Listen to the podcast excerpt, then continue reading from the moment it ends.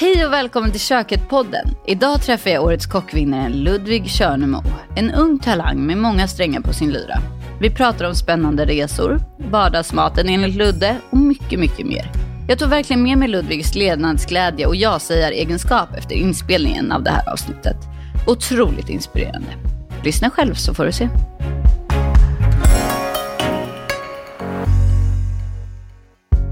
Ludvig Körnemo är superkocken vi inte kan få nog av. Trots sina unga 30 år har han hunnit med en hel del, både inom tävling och restauranglivet. Han kom trea i Årets kock 2018 och vann sedan samma tävling 2020. Utöver det är han kapten för svenska kocklandslaget, kock på stjärnkrogen Etoile och så har han mitt i allt detta hunnit jobba på flera ställen i Sverige och även utomlands. Vi tänkte fråga honom om matminnen, erfarenheterna och framtidsplanerna. Varmt välkommen säger vi till Ludvig Körnemo!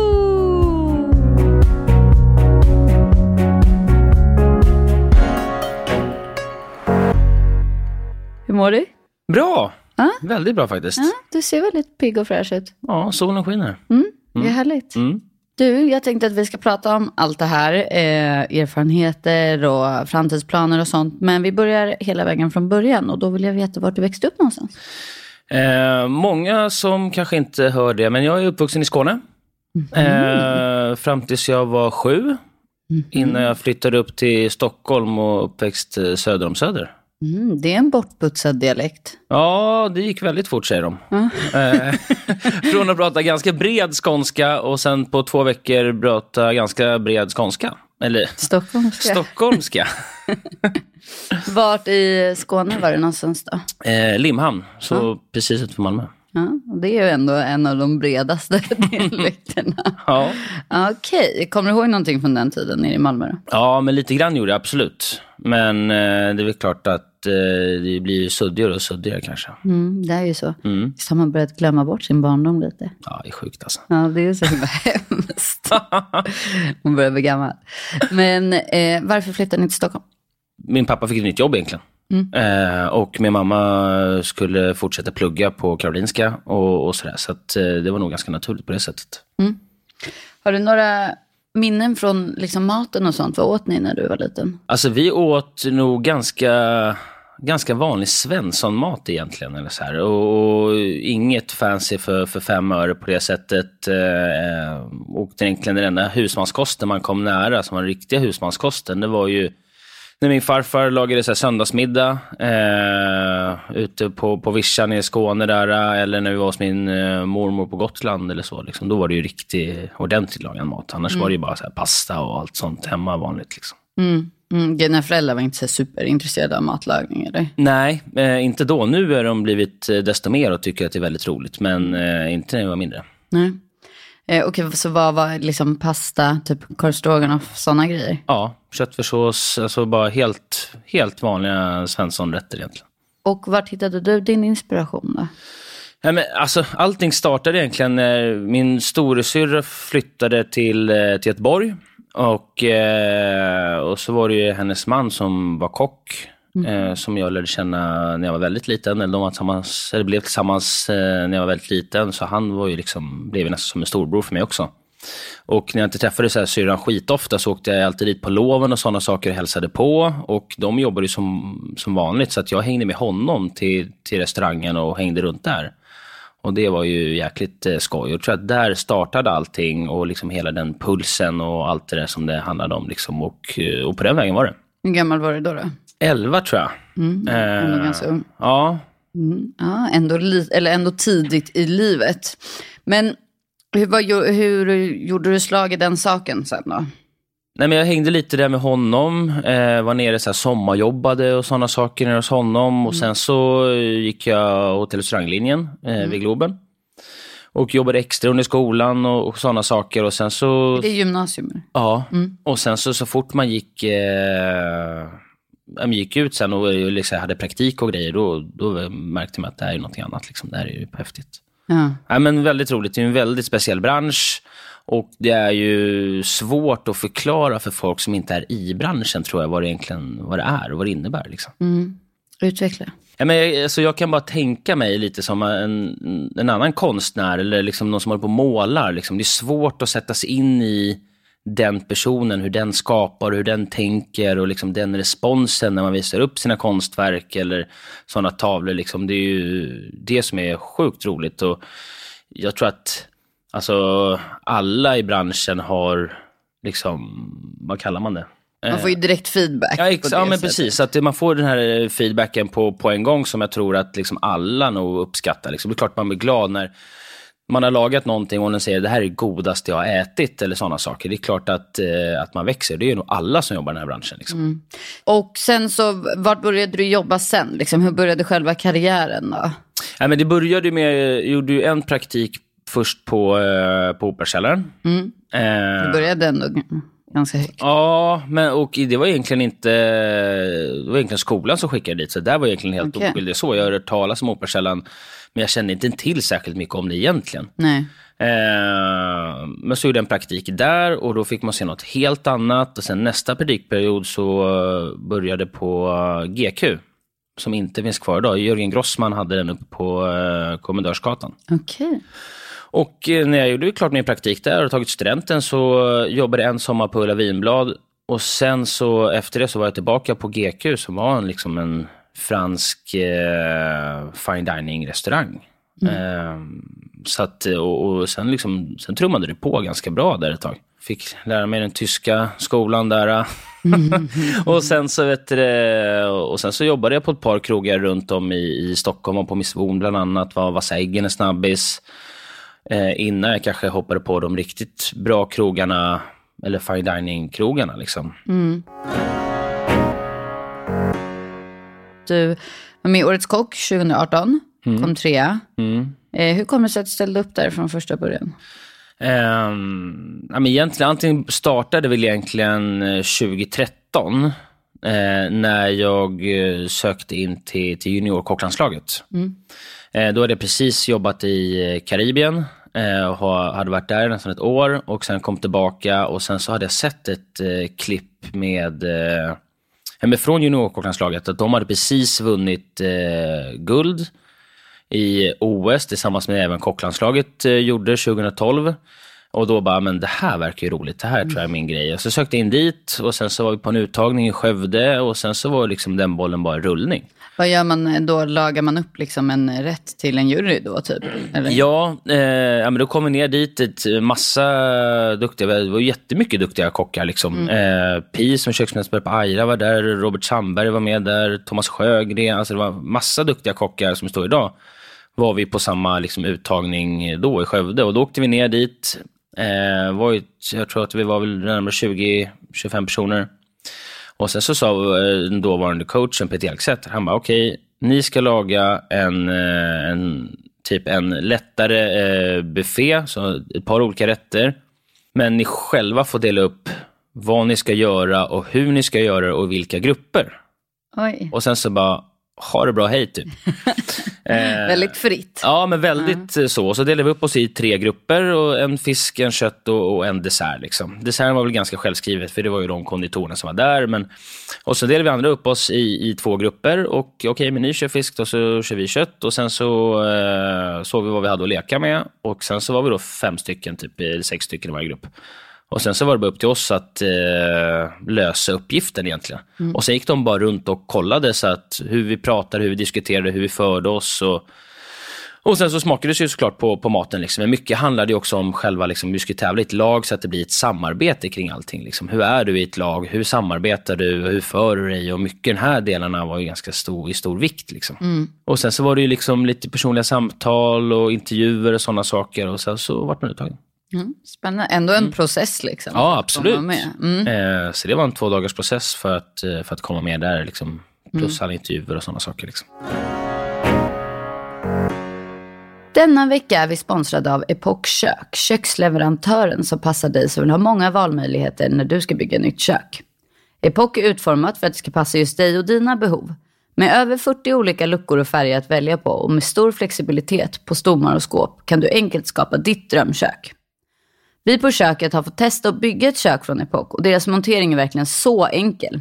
Med ett unikt klicksystem kan man snabbt montera ihop köket helt själv. Ett perfekt sätt att spara både tid och pengar.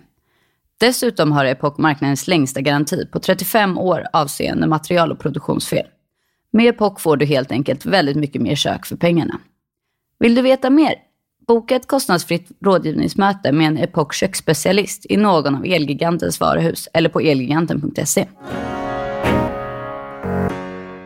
Så att jag tävlade i eh, juniorlandslaget. Ja. Eh, och sen så efter det så, då var samtidigt så jobbade jag på restaurang Jonas, Ja. för Jonas Lundgren.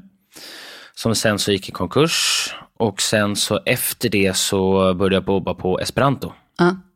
samtidigt. Och efter jag slutade eh, på Esperanto så, eh, så flyttade jag, skulle egentligen flytta till USA. Mm.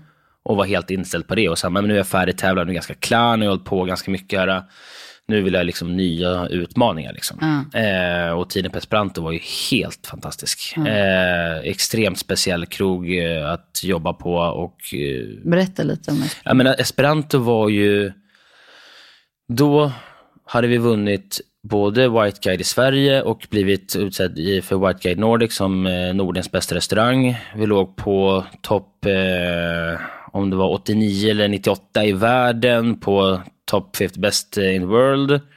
Och det var, vi hade så jäkla roligt. Vi tryckte så jäkla många timmar varje dag, men det, var, det gjorde liksom ingenting för att vi hade så jäkla roligt och det var så extremt utvecklande. Ja, gud vad härligt. Eh, men sen så funkade det liksom inte att trycka sina eh, 300 timmar på Esperanto varje månad och sen så samtidigt hålla på att tävla i juniorlandslaget eh, 100-150 timmar i månaden.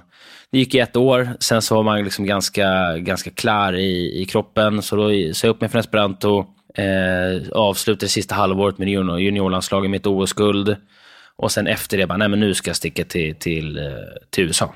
Eh, så då fanns det en krog som jag verkligen ville börja jobba på. Det var French Laundry som ligger i Jontville utanför San Francisco.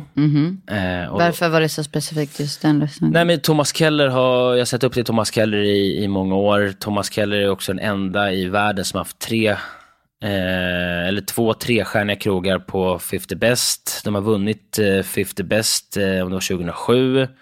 Och, och han var president för eh, amerikanska Bocuse-d'Or-akademin. Liksom. Och eh, så åkte jag ner dit, var där i två veckor på trials shift och eh, tänkte så här, men det här kommer bli kanon. Så körde de de där två veckorna. Jävligt tufft, eh, men extremt roligt. De har ett helt annat sätt att tänka i USA. Det finns liksom, det, hierarki är ju betydligt mer betydelsefattande där än vad det är i, i Sverige eller i Norden. Men, Men hade du hört av dig till dem innan då? Bara, hej jag söker jobb här. Ja, eller? men jag fick hjälp för att min, eh, min gamla chef Jonas Lundgren hade jobbat där tidigare. Okej. Och så han kände Thomas, också Då via. Mm. D'Or och sådana saker. Så att jag eh, började med att söka själv, fick inget svar. eh, och sen sa jag bara, Jonas nu får du, får du hjälpa mig här. Så att han mejlade direkt till Thomas och eh, fick då svar att okej, du är välkommen att eh, komma ner hit nu. Eh, vi tar emot dig det här och det här datumet. Det här behöver du ha med dig, typ. tänk på det här. Gud vad pirrigt. Ja, nej, det var riktigt eh, nervöst faktiskt. Ja, jag förstår det. Eh, och bara gå dit och bara knacka på och bara hej hej. Här är jag. ja, jag ska och så bara var ju två stycken och tittade på mig som de bara vad är det här för lirare? Tills det då kom en av eh, solcheferna bara ja men välkommen, visa mig runt, ja ja det bytte om och sen så var det bara rakt in i, i smeten. Ja. Men det gick bra, det gick jätteroligt. Eh, och vi hade jäkligt roligt för man lärde känna några som, som jobbar där. Sista dagen var ju Keller där själv eh, och eh, stod och pratade lite med honom och sådana saker. Och då så sa han så här, men det låter som att det gått bra, vi vill jättegärna att du kommer hit. Vi älskar svenskar för att ni vet faktiskt hur man jobbar och ni är inte rädda för att kavla upp ärmarna typ. Så att du är varmt välkommen hit, vi ska se till att fixa papperna så fort som möjligt. Ja. Och så gick det ett tag, åkte hem, var ju svinglad såklart, åkte hem, sen så blev Trump president. Eh, ett par eh, veckor senare fick jag ett mail. Tyvärr så har eh, president Trump dragit in alla arbets, eller arbetsvisumansökningar så att vi kan tyvärr inte göra någonting. Vi kommer inte få igenom det. Så vi får ta och vänta ett par månader tills allting har lugnat ner sig lite. Och det var ju så himla sjukt i USA, för att även fast du bodde där redan så hade du svårt att komma in när han blev president och, och sådana saker. Så det, var, det var jäkligt stökigt och då var jag så jävla less och jag var ganska klar med Sverige. Jag bara, men fan skit jag i det här liksom. Det, jag, vill inte, jag orkar inte vara kvar här liksom. Nu vill jag hitta på något roligt. Så då stack jag ner till Köpenhamn. Ja. Skickade iväg mitt CV till eh, AOC, en liten tvåstjärnig krog som ligger mitt i Köpenhamn. Eh, åkte ner dit, provjobbade. De sa du är varmt välkommen. Eh, och sen en månad senare så hade jag flyttat. Ja. Och då bodde jag där. Ja. Var, känner du dig knäckt över liksom USA-drömmen som gick i spillror där eller? Ja, då var jag väldigt, eh, väldigt less. Eh, men sen så när jag väl kom till Köpenhamn så hände det så mycket roliga grejer där. Så att jag eh, tyckte att det, det var ganska fine just där då. Men just nu så bara, USA hade varit roligare. Ja. Men å andra sidan så hade jag flyttat till USA så är det nog mycket andra grejer som inte hade hänt tror jag. Ja. Jag, hade, jag hade nog inte ställt upp i Årets Kock till exempel. Nej. Eh, Jag hade inte varit med i kocklandslaget nu, eh, så att det är nog... Det ena har ju lett till det andra såklart. Men, så är det ju. men drömmen i USA, den har inte försvunnit än. Nej, det är så? Ja. Ja, gud vad kul. Men, eh, nej, men jag tänker att allting händer av en anledning och eh, du fick ut en massa andra bra grejer. Ja, men det hjälper ju inte heller att stå och, liksom, och, och grina över saker som, som hade kunnat hända eller som skulle ha skett heller. Liksom. Det är, man får ju ta det för vad det är. Liksom. Och sen så när jag väl flyttade hem från, från Köpenhamn så, så började jag jobba på Oberkällan. Mm. Blev ansvarig för, för uh, varmköket till, till matsalen där. Och då började det klia i fingrarna att börja tävla igen. Ja. Så då ställde jag upp i Årets Kock eh, 2018. Okej, och det var första gången? Ja, det var första gången. Ja. Och det var ju en eh, riktigt eh, tuff eh, tävling. Ja. Den var jobbig på, på riktigt. Ja, berätta. Ja, men då, det var ju första året innan så tävlade man bara en dag under fem timmar. Ja. Eh, det är liksom, du lagar upp två rätter och sen så var du klar. Typ. Mm. Men 2018 så, så var det ju dels en mycket längre process rent i semifinalerna. Och semifinalen gick eh, jättebra. Det flöt ut dit, vann semifinalen, eh, kom till finalen. Och där tävlade ju då under tre dagar. så var det ju först där, det, det var ju teoriprov eh, som du skulle sitta och svara på massa frågor. Och sen så behövde du bli inflossad i ett rum där du hade så här, okej det är fem röda äppelsorter, det är fem hårdostar och så var det fem potatisar. Du har två minuter på dig att, svara på, på vad allting är. Och det finns ju liksom, det finns ju hundratals röda äppelsorter i Sverige. Och så ska du greppa fem Av just dem. de fem. Ja, det var helt, det var extremt svårt. Men eh, det rullade på ganska okej. Eh, det var långa dagar. Vi try- tryckte väl 8-12 timmar i, i den här tävlingsboxen. Och då var det liksom allt. Vi skulle slå maj och vi skulle öppna pilgrimsmusslor plus de här rätterna man hade tränat på och en jäkla massa vet du, eh, råvarukorgar, så här mystery box vi skulle laga och, och sådana saker. Och Det så mycket olika moment. Ja, men det var så extremt mycket olika moment. Det var ju helt sjukt. Och det var ju ganska färdig i, i skallen efter bara första dagen. Och så var det bara, det var ju bara att ladda om. Så då, kom jag, då blev jag fyra, så jag knep den sista platsen till dag nummer två. Och jag bara kände också att jag har så mycket, mycket kvar att ge. Eh, så att då drog vi också en, eh, en, bra, eh, en bra nattsömn. Och sen så var det upp. Och klockan sju på morgonen när de var förbi skynket, då bara stod det ett helt lamm vi skulle stå och stycka där. Ni ska stycka ett helt lamm, ni ska grovstycka de här delarna, ni ska figurstycka vet du, lammlåret eller lammlägget, hela steken och allting sånt. Och ni har 30 minuter på er. 30 minuter. Och så bara, okej. Det var ju bara, man bara sågade ju som en jäkla tomte där vet du. Och armen var ju som en jojo verkligen. Eh, gjorde det, det kändes ganska bra och sen så började vi väl laga mat. Eh, och sen så slutade det då med att jag vart eh, tre eh, den tävlingen. Och, eh, klart man blev ju besviken och eh, förbannad, men alla andra som hade tävlat i, som jag tävlade emot hade varit i finalen tidigare. Eh, och det komiska var ju där att David Lundgren vann, eller David Lundqvist vann. Eh, Martin Moses kom tvåa och jag kom trea. Ja. Och det var också så de nästkommande tre åren såg ut på, på, på, över på pallen också. Nej, Jo. um, Martin vann sen och sen så vann du. Ja. ja. Eh, så det var ganska härligt faktiskt. Eh, på något sätt. Väldigt roligt. Hur, är det, hur ser liksom förberedelserna inför en Årets kocktävling ut? Alltså den tror jag är nog ganska individuell egentligen. Ehm, för att det var extremt stor. Jag lärde mig väldigt mycket eh, efter 2018. Hur ska jag tänka? Hur funkar köket? Eh, vad behöver jag för att jag ska lyckas? Eh, så inför 2020, jag pausade 2019, eh, hoppade på kocklandslaget. Ja. och tävlade ett OS med, med landslaget.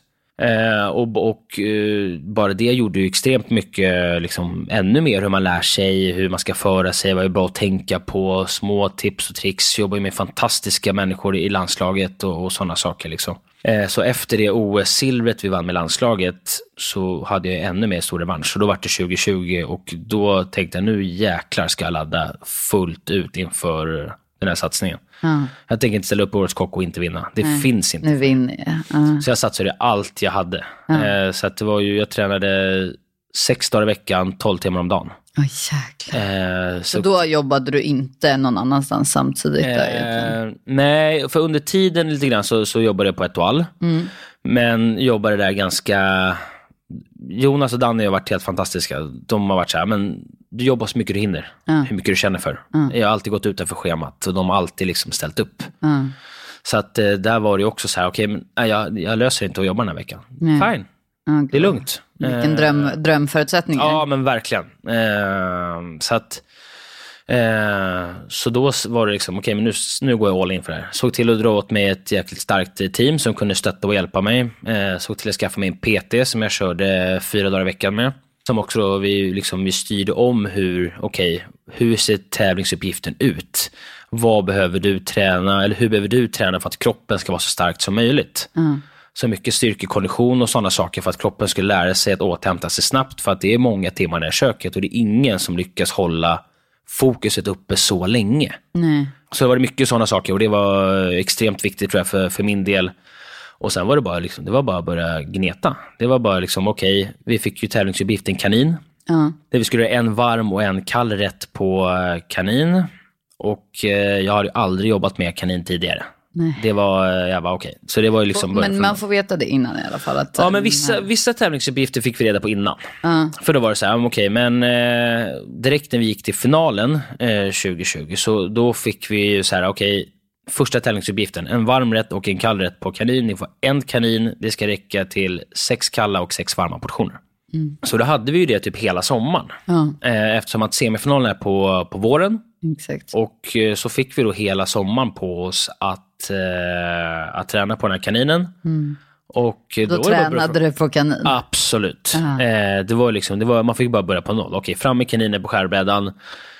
Vart börjar jag någonstans? Vilka känner jag som har jobbat med kanin? Vilka kan tänka mig ha jobbat med kanin? Eh, och liksom, det var bara att ringa runt och bara prata. Okej, vad, vad ska jag bra att tänka på? Vad, hur har du tillagat den? Vad Känner du någon som har gjort på något annat sätt? Det var ju liksom börja, börja researcha. Vad, okej, vad är det för research jag kan göra för att skapa mig bra förutsättning innan jag själv drar igång? Eh, Och sen så var det bara, bara provlaga. Eh, på alla koka, steka, fritera, baka, fixa, allt möjligt liksom. Ja. Tills man då liksom började få lite kläm på, okej så här funkar den, det här är dens egenskaper. Den, har ju, den är ju ganska fettsnål, smakar nästan ingenting. Så jag brukar liksom jämföra kanin, kanske en blandning mellan kyckling och kalv. Ja. Eh, och det är väl kanske inte det mest tacksamma köttet i, i världshistorien. Liksom. Så då fick jag istället då dra fördelarna med den. Okej, vad är det för fett jag kan tillsätta som smakar väldigt gott till för att hitta den bästa rätten. Liksom. Ja. Sen gäller det bara att bjuda in, vara ödmjuk och bjuda in duktiga människor i branschen som får testa och smaka och se vad, vad ta in liksom alla olika influenser från dem och vad de tror och, tror och tycker på och, se, okej, vad, och sen så liksom okej, sålla, okej, vad tycker jag är bra med det här, vilket håll tycker jag? Vissa säger mer kryddighet, vissa säger mindre kryddighet. Okej, då får man ju bara, okej, okej, vad tycker jag själv? Okej, men jag går på det som är lite mer kryddigt och lite mer sång och sådana saker.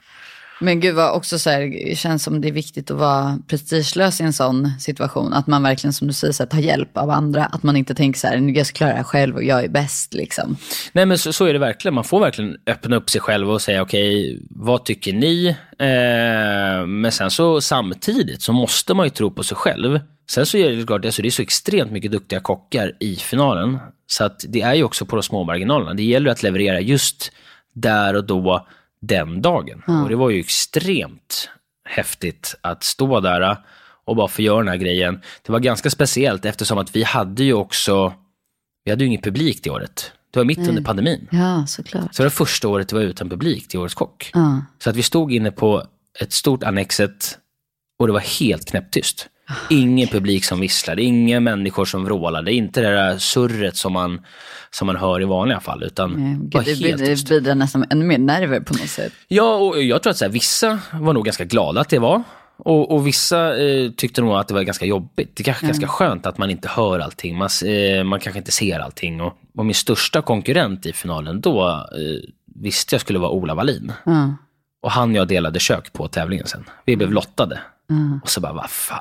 Men det var ganska härligt, jag känner Ola sen tidigare. Ja. Och eh, det gick lite dåligt för honom ett tag under tävlingen.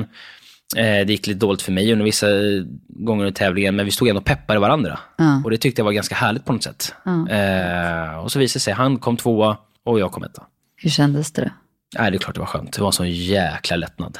Ja, speciellt när du lagt ner så mycket tid och energi på Ja, men det var ju också, jag skulle skicka ut en av de sista rätterna. Det var den varma kaninrätten som jag har tränat, eh, den har jag faktiskt tränat absolut mest på. Och var nöjdast med också. Ja. Eh, så står det, jag ska skicka ut eh, rätten. Jag hade ett, eh, ett svampskum på rätten.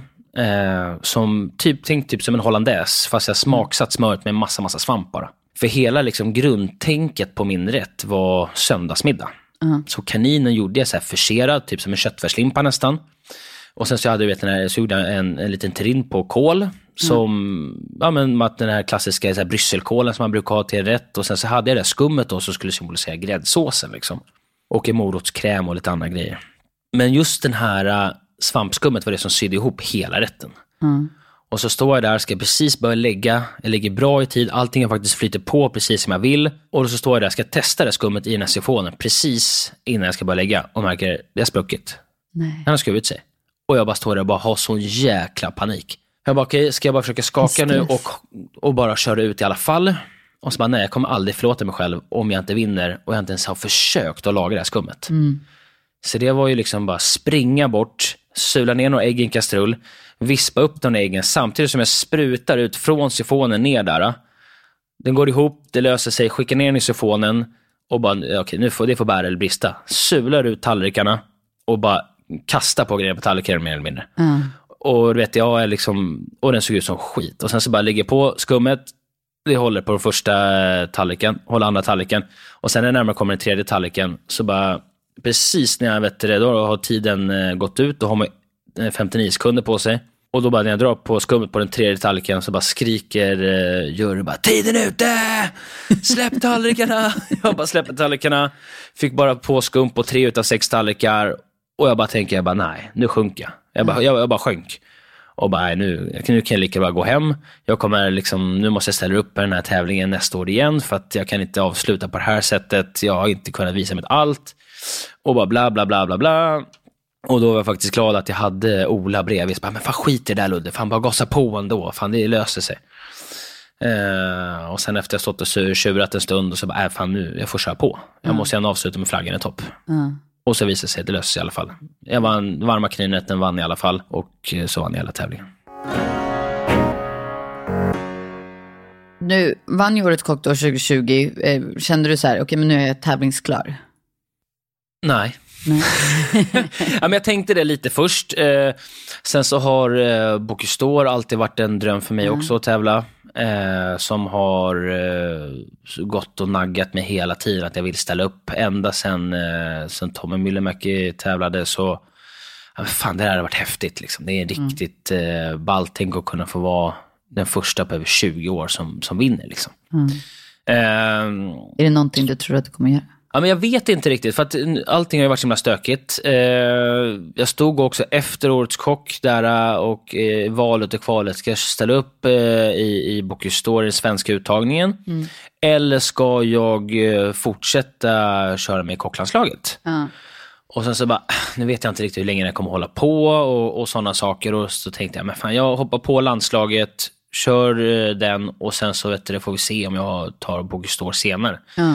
Alltså så här, då, jag var 29 när jag vann eh, Årets Kock. Ja. Eh, 28 var jag till och med. Skulle precis fylla 29. Och så tänkte jag bara, jag har tid att tävla i Bocuse. Ja. Alltså det finns ju de som är 40 som har ställt upp också. Så det är ju liksom ingen stress och panik på det sättet liksom. Om jag hoppar på, jag kör det här, det blir kul. Och sen så då så uh, vart jag också utsedd till, till lagkapten för kocklandslaget. Ja.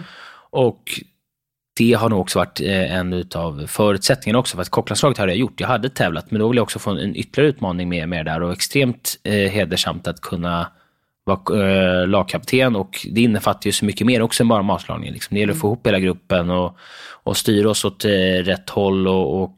Är du med då också och tar fram vilka som får vara med och tävla med er? Ja. Mm. Eh, så att jag och eh, våran eh, head pastry, Kasper Kleiss, var, vi båda hade varit med i laget sedan tidigare.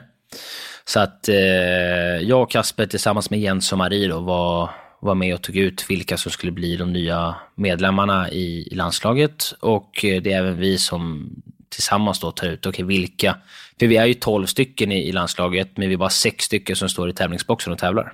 Okej. Okay. Vad, gör, vad har de andra sex för roll då?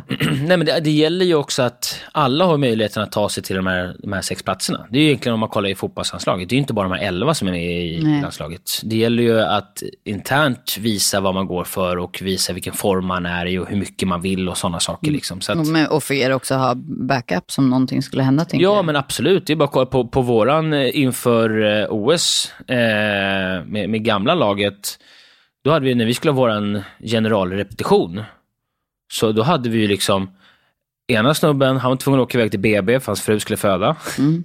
Den andra var sjuk. Nästa kunde inte för att eh, hade ett annat problem.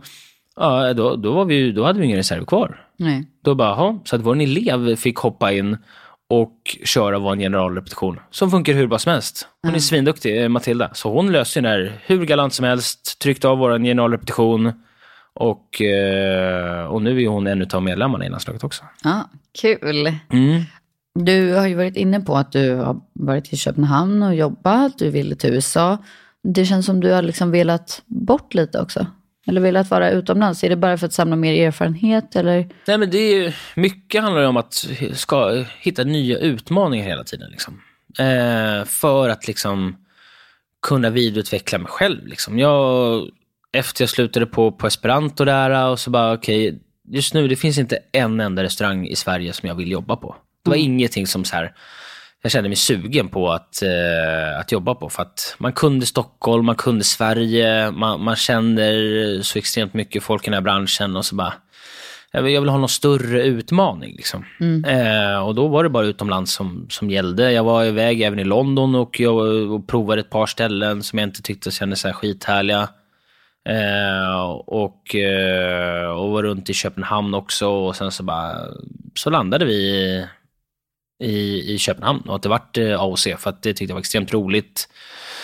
De lagar extremt härlig och god mat som, som speglar också kanske mycket av min matlagning på, på det sättet. Ganska liksom stilrent, ganska cleant eh, och sådana saker. Det kommer ju också från esperanto där vi gjorde extremt vacker mat. Liksom. Eh, så att eh, när det inte vart USA, som har varit en stor dröm hela tiden, så, så tyckte jag att AOC flögs, ja men det passade mig ganska bra. Mm. Eh, och det roliga med Köpenhamn är ju att eller om man säger, i Sverige, på de flesta krogarna, om man bortser liksom från Franzén och ett par andra krogar, så det kanske jobbar en eller två internationella kockar i köket. Resten mm. är svenskar. Mm. Medan i Köpenhamn så jobbar en eller två danskar, resten är internationella. Mm. Eh, och det, det tyckte jag var extremt roligt. Liksom. Eh, det vi jobbade där, det var en dansk i hela köket. Resten var ju liksom, kom från, från hela världen. De har ju sitt sätt att, att laga mat på. De har sin matfilosofi. De har liksom sitt sätt att tänka på och föra sig köket från där de kommer ifrån och få hela den här blandningen och allt det där tyckte jag var så extremt fascinerande. Liksom. Mm. Och bara om en sån sak, liksom, att bara stå och prata engelska i ett kök varje dag, äh, har man ju liksom inte gjort på, på det sättet alls. I restaurang Jonas var det så, där var det många internationella, så där gick allting på engelska. Men där kunde man ju någonting man inte fattade eller någonting man inte förstod, så kunde man alltid fråga en kollega mm, liksom. Eller så här, uh. bara, fan, fan vad du sa det för någonting, jag fattar inte helt. Uh. Eller, eller sådana saker. Men i Köpenhamn så där fanns det ju ingen fråga. Eh, och man lär sig ju inte allting i skolan direkt. Liksom. Eh, vad alla fiskar heter, vad alla liksom, svampar heter och liksom, alla grönsaker och sådana saker. Så, att bara, och, så det var ju också en jäkligt rolig del och som gjorde att man växte på många andra sätt. Liksom. Bodde helt själv i en annan stad. Alltså det var, det var ju liksom något helt annat. Så att, mm. nej, det var uh, sjukt utmanande som inte bara var matlagningsmässigt. Liksom. Nej, en sån bra erfarenhet ju. Men Du, vi har pratat mycket nu om så här, eh, du har jobbat på massa häftiga restauranger och du har tävlat och med mycket framgång och sånt där. Men vem är vardagsludde? Vad äter du till vardags? Om vi börjar där. Nej, men det är väl kaviar, hummer. Nej, Bara. helt stel i blicken va? Sorry. Nej, jag äter nog ganska, jag äter extremt enkel mat. Jag äter ju dock inte skit ofta hemma heller. Nej. Eftersom att man jobbar ändå ganska mycket kvällar eh, så, så blir det ju inte så jättemycket hemma. Men när jag väl är hemma så tycker jag att det är ganska roligt att laga mat. Liksom. Men det är klart att det kommer dagar man inte kanske är assugen på att laga mat och vill bara att det ska gå så fort som möjligt, som för alla andra människor. Liksom. Så att det blir väldigt mycket pasta hemma. Det går ju väldigt fort att eh, dra ihop, eller man drar några pannbiffar går ju också extremt fort att eh, slänga ihop. Liksom. Eh, så att jag har nog ganska, ganska vanlig eh, Svensson-mat när jag lagar mat hemma också. Korvstroganoff händer någon gång ibland. Dock väldigt sällan, men det är absolut att det, att det händer. Mm. Så att jag vill bara att det ska gå fort och det ska vara enkelt. Liksom. Bara, Det var någon som sa till mig att du vurmar lite extra för eh, gulaschsoppa på burk. Vem har sagt det? Nej. Ja, det är, alltså, jag, ska inte, jag, ska inte, jag ska inte sitta här och hymla. Det är en, det är en geniråvara. Ja, du tycker det? Ja, Mm. Österrikes gulasch på, på burk. Eh, kanske ingenting jag eh, skryter med. Som, kanske ingenting jag... Kanske inte det första jag nämner. Men, eh, den är bra ändå. Ja, den gör jobbet, tänker Alltså, jag. den gör jobbet. Den kanske är lite blek i sig, i sig själv så att man får bara liksom... Eh, kanske skicka ner lite sriracha, lite svartpeppar, kanske lite salt. Man får ju liksom pimpa den lite grann. Liksom. Men den med en baguette, då, då är man ju hemma. Mm, det är väl fantastiskt att man kan jobba på en stjärnkrog och äta gulaschsoppa på burk, eller hur? Ja, eh, det, det är det definitivt. Vi är människor vi också. Ja, men verkligen, verkligen. Du pratade lite om det tidigare och sånt där, men hur skulle du beskriva din eh, egen matfilosofi? Vem, vem är du liksom på en tallrik? Eh, jag tror att man kan känna igen min mat eh, ganska enkelt ändå. Eh, på, på ett eller annat sätt. Jag försöker jobba med ganska, eh, ganska rena grejer. Jag försöker alltid få ut kanske... Eh, eh, Men dels försöker man alltid få ut det, det, den bästa egenskaperna från varje råvara. Eh, och det kommer nog för att man har tävlat ganska mycket. Okej, vad, jag, har en, jag har nu en, en spetsskål framför mig. Vad är det godaste jag kan göra med den här spetskålen? Vad är det bästa man kan få ut av den här? Och sen har man nördat ner sig av det. Så det, och det hänger nog i liksom allt ifrån när man tävlar eller på krogen eller om man är hemma och lagar mat också. Liksom. Okej, men vad, vad är det bästa jag kan göra av det jag har framför mig just nu? Eh, och sen så jobbar jag också med ganska klina grejer. Det behöver inte vara så mycket på tallriken. Liksom. Man ska nog... Där gäller det nog också att vara liksom lite självsäker på det man håller på med. För att eh, ju mindre grejer du har på tallriken, ju bättre måste de vara. För det går ju svårt att gömma saker bakom varandra eller sådana saker. Liksom. Så att, men har man en riktigt bra råvara så är det också jävligt enkelt att laga mat. Liksom. Jobbar man med liksom högkvalitativa grejer så, så är det ju jäkligt enkelt. För då, då sköter den sig själv och man behöver göra väldigt lite. Men sen så är det så här, kollar man på de tävlingsrätterna jag, jag har gjort så är det ganska stilrent. Alltså jag kan ha typ en, en duvbröst, en liten äppelkräm och en sås. Ja. Jag behöver inte ha så mycket mer. Det är så jäkla gott i sig. Och det är också så här blivit när man jobbar mycket med så här, uh, set menus, avsmakningsmenyer och sådana saker. Att det behöver inte vara fullständiga rätter heller. Eh, för att du kommer bli mätt ändå. Man plockar ut, liksom, man tar verkligen russinet ur kakan där på något sätt. Liksom. Och sen så bara, okej, vad är det godaste? Ja, men det är det här. Okej, det är kanske är tre komponenter. Men behåll dem. Se till så att det är ganska stilrent och, och snyggt. Så, så blir det väldigt vackert och jag lovar att det kommer bli jättegott. Liksom. Mm. Så, så det är nog mycket ja. Stilrent och, eh, och försöker liksom hålla en ganska hög elegans. Liksom. Men du, har du någon e- dröm om att öppna en egen restaurang? Eh, ja, absolut. Mm. Det har nog det har nog de flesta i den här branschen tror jag. Ja. Eh, Men inga planer? Eh, jo, det är klart det finns planer. Jag har haft en restaurangidé i, eh, i många år. Liksom. Som fast det ändras ju också vart, vart åren går. Liksom. Ja, såklart. Man kommer på lite nya grejer, lite nya tankar, lite, lite nya influenser som kommer till en. Och, så att, eh, absolut. Ja. Berätta om idén då. Ja, jag har en, jag har en jäkligt eh, häftig och eh, ball restaurangkoncept eh, som inte finns någonstans i hela världen. Eh, som jag tror kommer bli jäkligt revolutionerande om det blir så som jag tänker mig att den är. Ja. Jag kan inte säga vad det är. Gud vad spännande. Mm. Ja, men är det så här, har du en tidsplan? Att det, är så här, det här skulle kunna hända då och då? Eller? Men, grejen är väl där också, just nu händer det extremt mycket i, eh, i mitt liv. Det är så mycket roliga grejer som, som kommer och går hela tiden. Eh, så att, och där har jag liksom heller ingen stress att öppna restaurang. Men du är också ganska ung. Ja, men jag är 30 och jag tänker att jag hinner öppna restaurang. Liksom. Eh, och eh, det enda jag kan vara säker på att eh, den idén jag har så är det ingen annan som kommer ha ändå. Så att det finns eh, absolut med, finns tid för att vänta.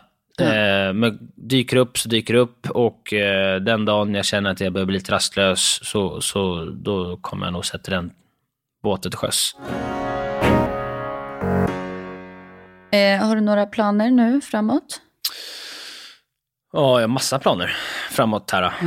Det händer ju väldigt, eh, väldigt mycket grejer och har hänt mycket grejer. Ja. Ehm, Något speciellt? kommer fokusera väldigt mycket på, på landslaget här nu. Vi tävlar ju i slutet på november.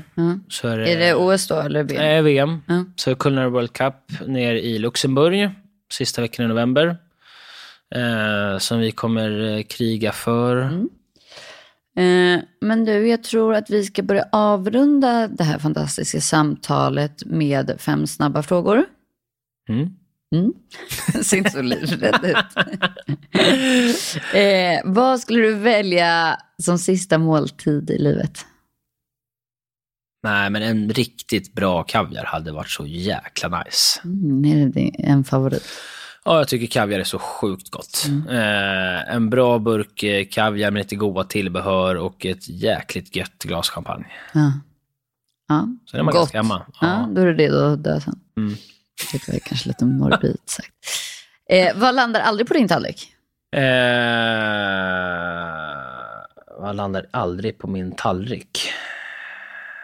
Alltså det finns mycket grejer som jag absolut inte tycker är så här skithärligt. Eh, Du, är du lite kräsen eller?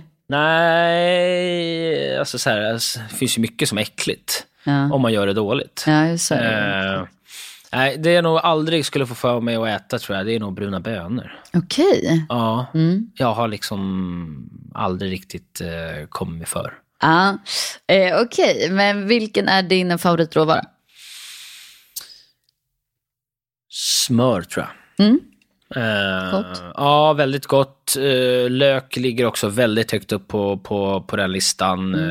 eh, just för att det finns sån extrem bredd Ja, med, med båda de två råvarorna. verkligen.